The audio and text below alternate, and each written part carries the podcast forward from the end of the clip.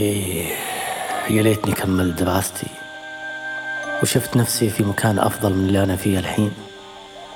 كان الحين أنا في وظيفة أفضل من هذه الوظيفة التعيسة. آخ بس لو أمتلك آلة الزمن كان رجعت للماضي وعدت ترتيبات حياتي كلها. خطط زواجي الإنجاب كان رجعت لكل شيء وبدلته. كم أتمنى أني أرجع؟ وأكون أكثر صدقا وصراحة مع أولئك الذين خسرتهم بسبب تعنتي وأنانيتي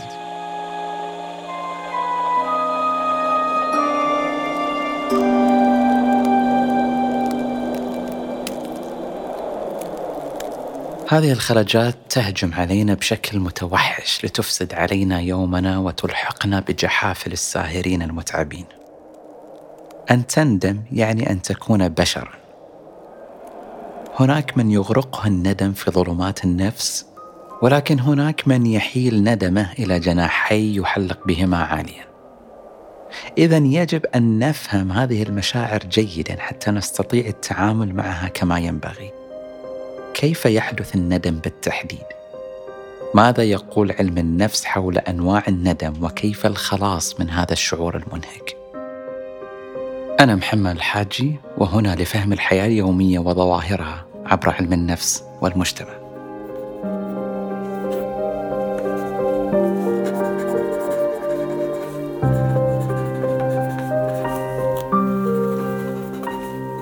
تزايدت الأبحاث العلمية في العقدين الأخيرين لفهم لماذا يندم الناس وعلى ماذا يندمون بالتحديد. اولا لنبدأ بضبط وتعريف المصطلح. الندم عبارة عن حالة انفعالية تنشأ عندما ينظر الإنسان إلى ماضيه ويؤمن أن حاضره سيكون افضلا لو قام بخطوات مختلفة. تمام؟ تمام. فتعريف الندم هذا يقتضي ثلاث أمور هي التي تصنع الندم. اولا أن تكون للإنسان خيارات يختار منها، لا أن يكون الخيار الذي اختاره هو الخيار الوحيد أصلا. كأن نندم على شرائنا هذا الجوال مقابل الجوالات الأخرى أو على اختيار تخصص الأحياء مقابل علوم الحاسب. كانت عندنا خيارات. هذا هو أحد أهم شروط الندم. لكن تخيل لو كانت الجامعة مثلا ما فيها علوم حاسب من الأساس وكل ما تستطيع اختياره هو علوم الأحياء والتخصصات الطبيعية المشابهة. نعم قد تغضب أو تصاب بالإحباط لكنك لن تندم ولا ينبغي أن تجتر هذا الأسى لأنك لم تخير كما ينبغي أيضا الندم يقتضي الإحساس بالمسؤولية في اتخاذ هذا القرار أي أنك أنت وأنت فقط الذي اخترت هذا القرار لا غيرك. لم يكن حتميا عليك، لم يكن مفروضا عليك، يعني نحن لا نندم على مجاعات وحروب العالم مثلا، لأن هذه الفواجع وإن كانت مؤلمة إلا أنها خارجة عن مسؤوليتنا. فلا يد لنا في هذا الشأن.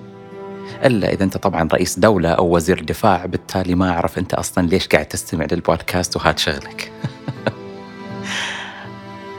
خليني أسألك هذا السؤال أيهما سيشعرك بالندم؟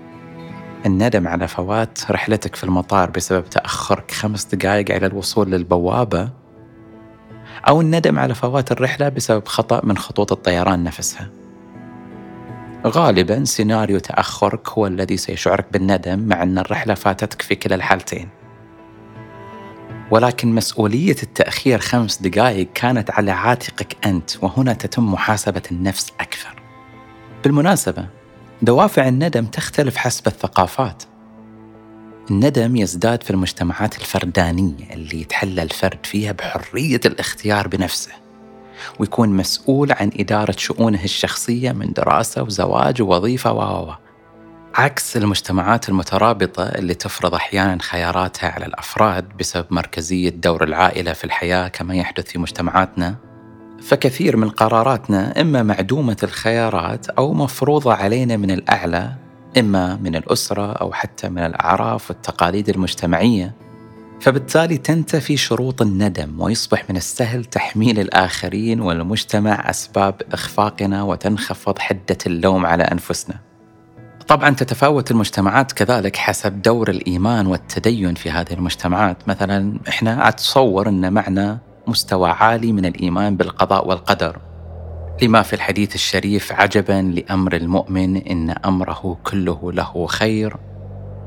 أو في الآية وعسى أن تكرهوا شيئا وهو خير لكم. هذه المبادئ تمثل صمام أمان للنفس بأن الأمر كله خير فتنخفض حدة الندم. لكن السؤال الآن هل ستتغير ماهية الندم مع التغيرات الاجتماعية اللي قاعدة تصير ومع تضاعف دور العائلة والمجتمع في صنع قراراتنا؟ أو يمكن بسبب انحسار دور التدين والروحانيات في الحياة اليومية؟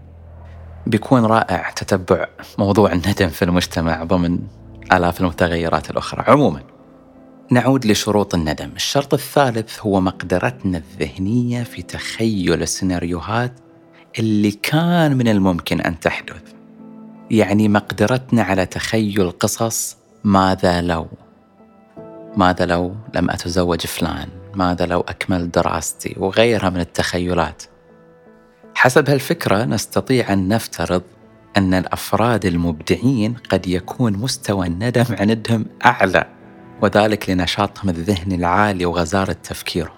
لنأخذ هذه الدراسة المثيرة. الحائزون على المركز الثاني في الأولمبياد يسجلون مستويات أعلى في الندم مقارنة بالحائزين على المركز الثالث رغم أنهم أفضل منهم. وذلك لأن أصحاب المركز الثاني الميدالية الفضية قادرون بسهولة على تخيل سيناريو حصولهم على المركز الأول ويشعرون أنهم كانوا قاب قوسين أو أدنى من الميدالية الذهبية. بينما الحائزون على الميدالية البرونزية أو المركز الثالث فإنهم يشعرون بالامتنان أصلا لأن السيناريو الأقرب لهم سيكون wow الحمد لله على الأقل وصلت ضمن الثلاثه الأوائل. فالقدرة التخيلية لسيناريوهات ماذا لو what if هي منشأ الندم في الحقيقة. عندما نتحدث حول الندم ضروري نفصل بين نوعين مختلفين حسب أثر الحركة. action effect أحيانا نندم على شيء فعلناه وأخطأنا فيه وتمنينا لو لم نقم بذلك. مثل الندم على تعليق جارح غرزناه في صدر صديق. أو ندم على الاستثمار في أسهم شركة معينة وليس شركة أخرى.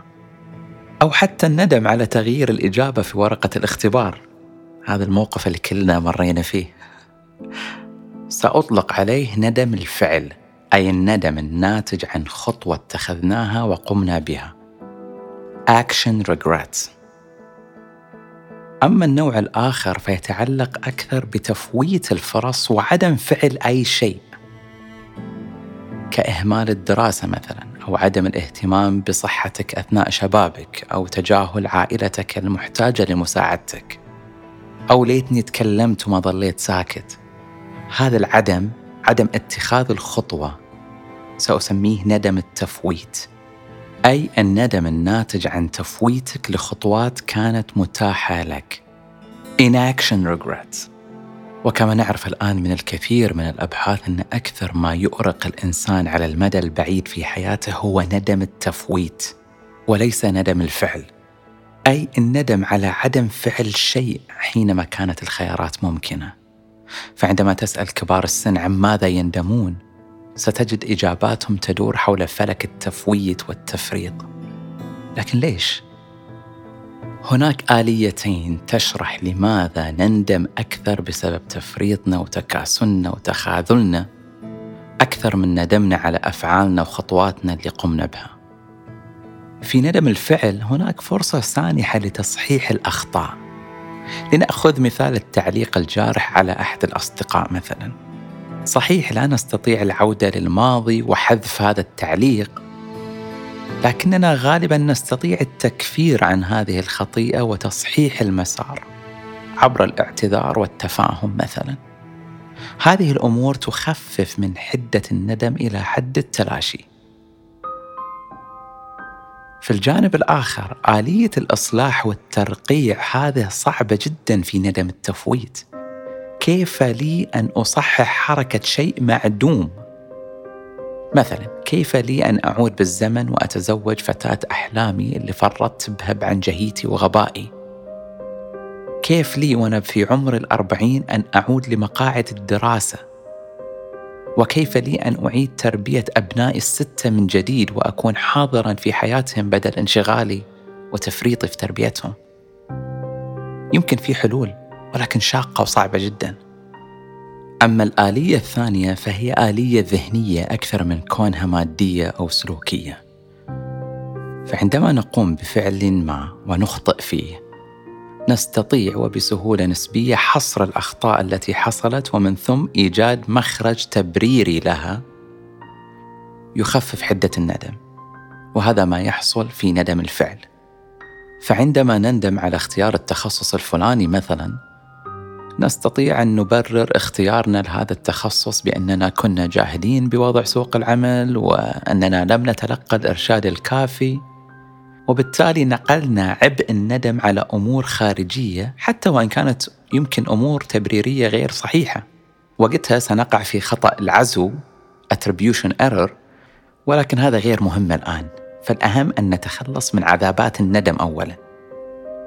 تبرير هذا آلية دفاعية يقوم بها الدماغ جزاه الله خير بشكل تلقائي عندما نقع في ورطة التناقض كما يحدث عندما تتعارض فكرتين في رأسنا أو كما نقوم بسلوك يخالف مبادئنا وقيمنا. مثل لما تسمع بنجاح أحد خصومك تقوم بعزو نجاحه للواسطة والحظ ولا تعترف بأفضليته أو اجتهاده. هنا قام الإدراك بصنع سيناريو يوفق بين التناقض اللي تعيشه في نجاح عدوك وتريحك من التوتر النفسي أو ما يعرف بال cognitive dissonance آلية التبرير هذه تتفعل بسهولة لتصحيح ندم الفعل. سرعان ما نجد مخرج لما فعلناه وبذلك يتلاشى هذا الندم سريعا. مثل التعليق الجارح على صديقنا نستطيع تبريره ونقول يا أخي هو اللي استفزني هو اللي على صوته قدام الشباب أول. هذا التبرير وهذه الآلية لا تصمد أمام ندم التفويت. الذي عادة ما يترك ندوبا أغزر مما نستطيع إصلاحه. لأن الندم التفويت عادة يتعلق بالأمور الجوهرية في الحياة. ترك التعليم تجاهل التربية و و و. فيبقى هذا الندم ينهش في أرواحنا. كما أن ندم الفعل يسمح لنا بالتعلم من أخطائنا اللي وقعنا فيها. يوفر لنا فرصة للنظر للجانب المشرق أو الجزء الممتلئ من الكأس كما يقولون. أخطأت في اختيار هذه الوظيفة؟ صحيح ولكني استفدت دروسا في كيفية التقديم على وظائف أخرى. مثلا حصل لي شخصيا اخترت مكان للعمل وكانت الفائدة العظمى لي أني استفدت أن العمل في هذا القطاع غير مناسب لي بتاتا. حزمة الدروس والفوائد هذه تخفف حدة الندم ندم الفعل وتزودنا بمشاعر ومكاسب تعويضية تسلينا عن خطأنا الأول. إن اخترنا مثلا الوظيفة الفلانية. أما في ندم التفويت فالصراع النفسي أكثر صعوبة. فلا نستطيع إيجاد سلوى واستخلاص فائدة بسهولة لأننا لم نتحرك أساساً وبالتالي يبقى هذا الندم عالقا معنا طيلة العمر. دون تسوية أو مخالصة. القدرة على إيجاد تسوية ذهنية ومخالصة للخطأ تريحنا من عبء الندم كأن باب وأغلقته لكن الويل كل الويل للمواقف التي تتركنا غرقى بدون تسوية بدون closure مع غياب التسوية والخاتمة تبقى سلسلة الندم مفتوحة. تفرط حلقاتها في أنفسنا باستمرار لنشعر بانعدام تقدير الذات والإحباط والفراغ بشكل مزمن ومستمر. ولهذا ندم التفويت. يبقى طويلا. وأيضا هذا الندم ندم التفويت عادة يتعلق بتحقيق أمور أكبر بكثير من مجرد أخطاء وقعت أثناء فعلنا. نندم على الصورة الكبيرة في حياتنا على التخلي عن أهدافنا في هذه الحياة.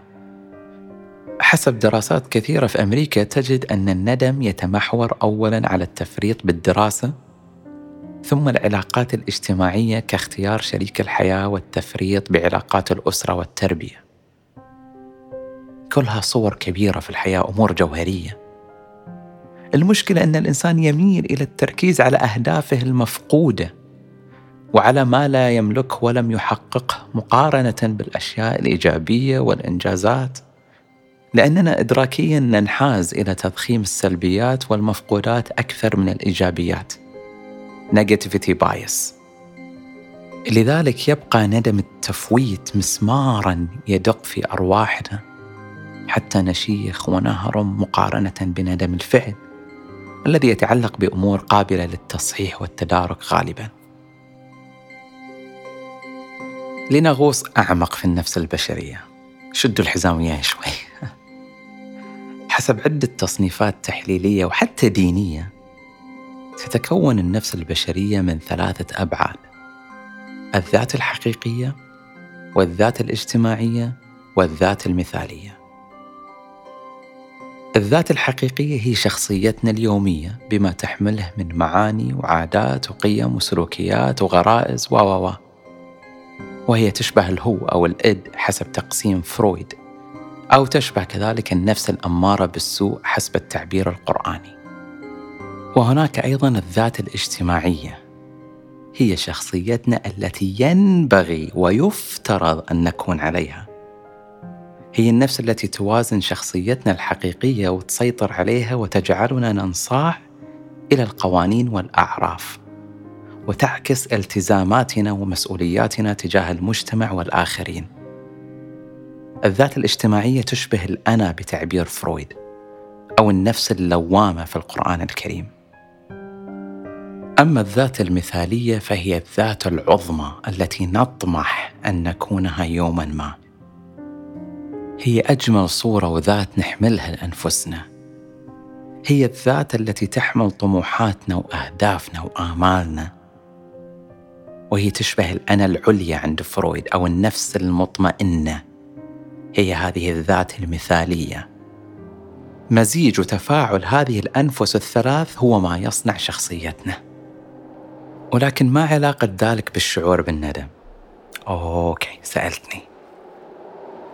الندم هو الفجوة بين شخصيتنا الحقيقية اليومية وشخصيتنا الاجتماعية اللي المفروض نكون عليها. وأيضا الندم هو الفجوة بين شخصيتنا الحقيقية اليومية وبين شخصيتنا المثالية اللي نطمح لها.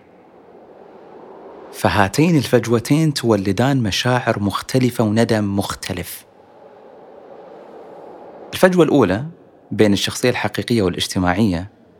عندما نكسر التوقعات المجتمعية بخذلان صديق مثلا أو بالتقصير في حق الآخرين نندم لأننا فشلنا في تحقيق دورنا الاجتماعي المنوط بنا.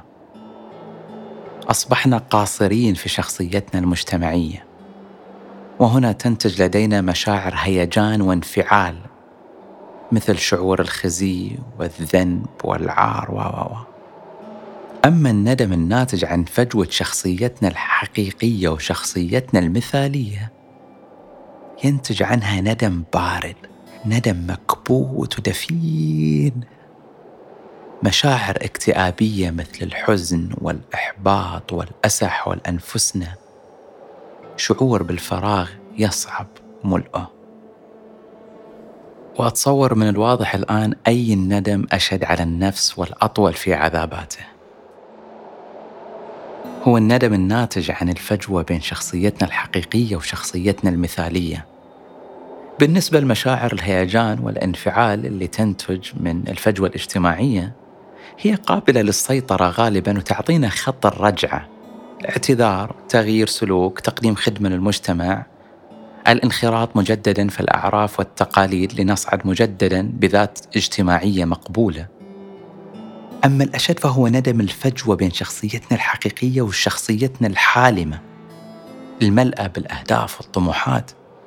هذا النوع من الندم هو الذي عادة ينتج من تفويت الفرص من ندم التفويت اللي قلنا عنه من التكاسل من عدم أخذ الأمور بجدية ندم التفريط بالشخصية المثالية. ترميم هذا الكسر أصعب من غيره ليس مستحيلا ولكن عملية شاقة. فبحجم الطموحات تثقل الخيبات. لذلك كلما علت همة الإنسان وتسامت أهدافه للشخصية المثالية كلما كان ندمه أشد وأقسى لما يفقد هذه الطموحات ويفقد هذه الأهداف. وكأننا نقول ما طار طيرا وارتفع إلا وكما طار. يا سلام عليك. وقع. وهنا أذكر الممرضة الأسترالية التي كتبت كتابها الشهير بعدما قابلت مرضى على سرير الموت وسألتهم عن أشد ما يندمون عليه في حياتهم. كانت أول خمس أسباب للندم تتعلق ليس بفشل الشخصية الاجتماعية بل بالتفريط في الشخصية المثالية الطموحة التي تشكل لهم تحقيق الذات. فقد كانت العبارة التالية هي الأكثر ترديدا بين هؤلاء اليائسين. أتمنى لو كنت أتحلى بالشجاعة الكافية لأن أعيش حياتي كما أريدها أنا، لا الحياة التي يتوقعها مني الآخرون. وهنا تقول الكاتبة بعد انتهاء الكتاب: عندما يدرك الناس أن حياتهم شارفت على الختام وينظرون إلى ماضيهم، يبداوا يستشعرون كمية الأحلام التي ماتت في مهدها أغلب الناس لم يحققوا ولا نصف أحلامهم وكان عليهم الموت وهم يستشعرون غصة خياراتهم التي حرمتهم من تحقيق طموحاتهم. هذه الشهادات المتوالية من هؤلاء المرضى تتماشى مع مفهوم الفرصة المفقودة. The Lost Opportunity Principle الذي ينص على أن حدة الندم تزداد طرديا كلما تضاءلت إمكانية تحقيق الهدف. أو تضاءلت فرصة القيام بخطوات تصحيحية. كهؤلاء المرضى الراقدون على سريرهم الأخير. كلما أسدل الستار عن التصحيح كلما زادت قسوة الندم. ولكن أين طوق النجاة؟ من لا يندم لا ينتمي للبشر الأسوياء. بل أن من أهم صفات الشخصية السيكوباثية المضطربة هو عدم الشعور بالندم وموت الضمير الحي. يقول دوستويفسكي إن كان للإنسان ضمير فسيعاني جراء الخطأ الذي ارتكبه. ستكون تلك عقوبته وكذلك سجنه. ومن ليس لديه الشجاعة على تحمل الندم سيبقى أسير الجمود والفراغ. ليش؟ لأن كل خياراتنا تقتضي بالضرورة الدخول في عالم من احتمالات النجاح والإخفاق وعلينا تقبل هذه الاحتمالات. فجزء كبير من نضج شخصيتنا يتولد عبر مقدرتنا في مواجهة أخطائنا وقصورنا. الندم مشاعر طبيعية بشرية سوية مشاعر لا ينبغي إنكارها أو تجاهلها. بل من الجيد علينا حسن استقبالها وضيافتها لما تحمله هذه التجربة المريرة من فوائد تضمن بقائنا ونجاتنا.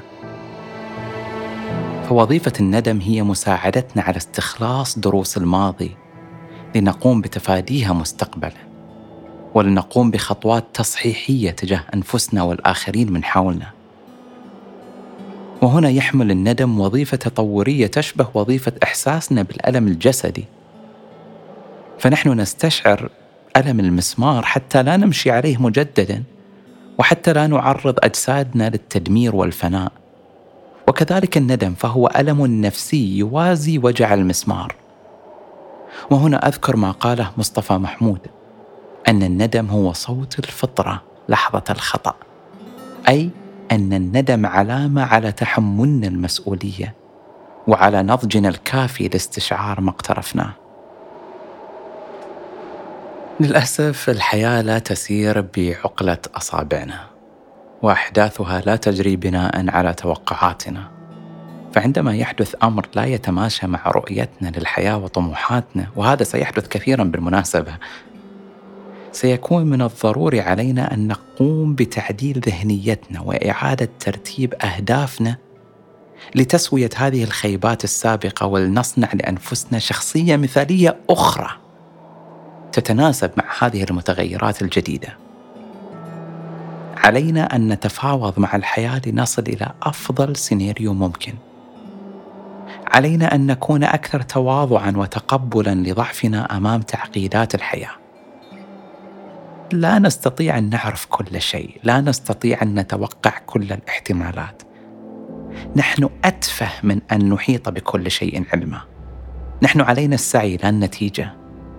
هذا التواضع الجيد قوة نفسية هائلة لما فيه من مرونة وتقبل. الأفراد المدركون لحجمهم أمام عظمة الكون لديهم فهم أعمق للصورة الكبيرة وعدم التعلق في التفاصيل.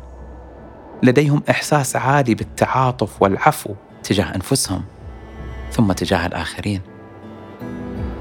ولكن ماذا عن الذات المفقودة والأهداف التي تاهت في دهاليز الحياة؟ لعل من أهم الصفات التي تسقل شخصيتنا هي المقدرة على التخلي. التخلي عما فات وعن الأهداف التي باتت غير ممكنة.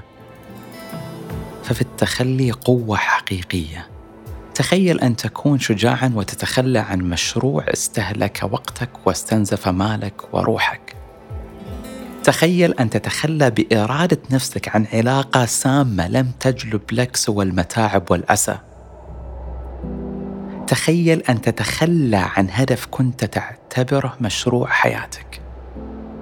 والآن تخيل هذه الحرية والانعتاق والثقة بالنفس.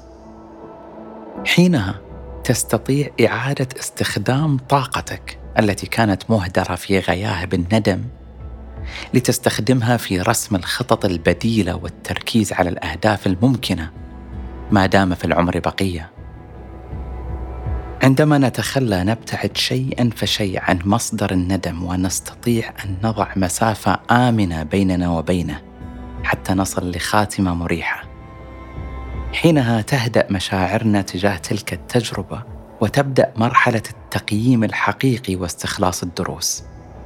الندم يضيء لنا فرص التغيير هو محفز لنا لعيش الحاضر ولاقتناص فرص المستقبل. وهنا أشير لبعض الأبحاث التي وجدت أن أولئك الذين يشعرون بالندم تجاه الماضي كانوا أكثر كفاءة في تحسين مستقبلهم. ولهذا قال أحد الباحثين استشعار الندم بكامل ما فيه هو المعجزة التي تحوله إلى قوة. ومن هنا نستطيع القول بأن نضوج شخصيتنا يتطلب أمرين شبه متناقضين. الأمر الأول هو التخلي عن أهدافنا المفقودة وعن تكرار سيناريوهات. ماذا لو؟ ماذا لو؟ ماذا لو؟ ولكن في نفس الوقت علينا التفكر والتدبر جليا فيما حدث حتى نستطيع استخلاص الجانب الجيد من تلك التجربة ولنرسم خارطة مستقبلية أفضل. وهذا ليس بعيدا عن مفهوم التوبة في الشرائع السماوية. فالندم توبة. والتوبة تتطلب استشعار الندم فالتخلي ثم العزيمة. الشخصية الفذة إذن هي التي تعترف بالهزيمة ولكن سرعان ما تنفض الغبار عن روحها لتتعافى في الحاضر ولتنتصر في المستقبل. وكما يقول جاسم صحيح علمني السقوط في بئر نفسي بأن الماء في الأعماق أحلى.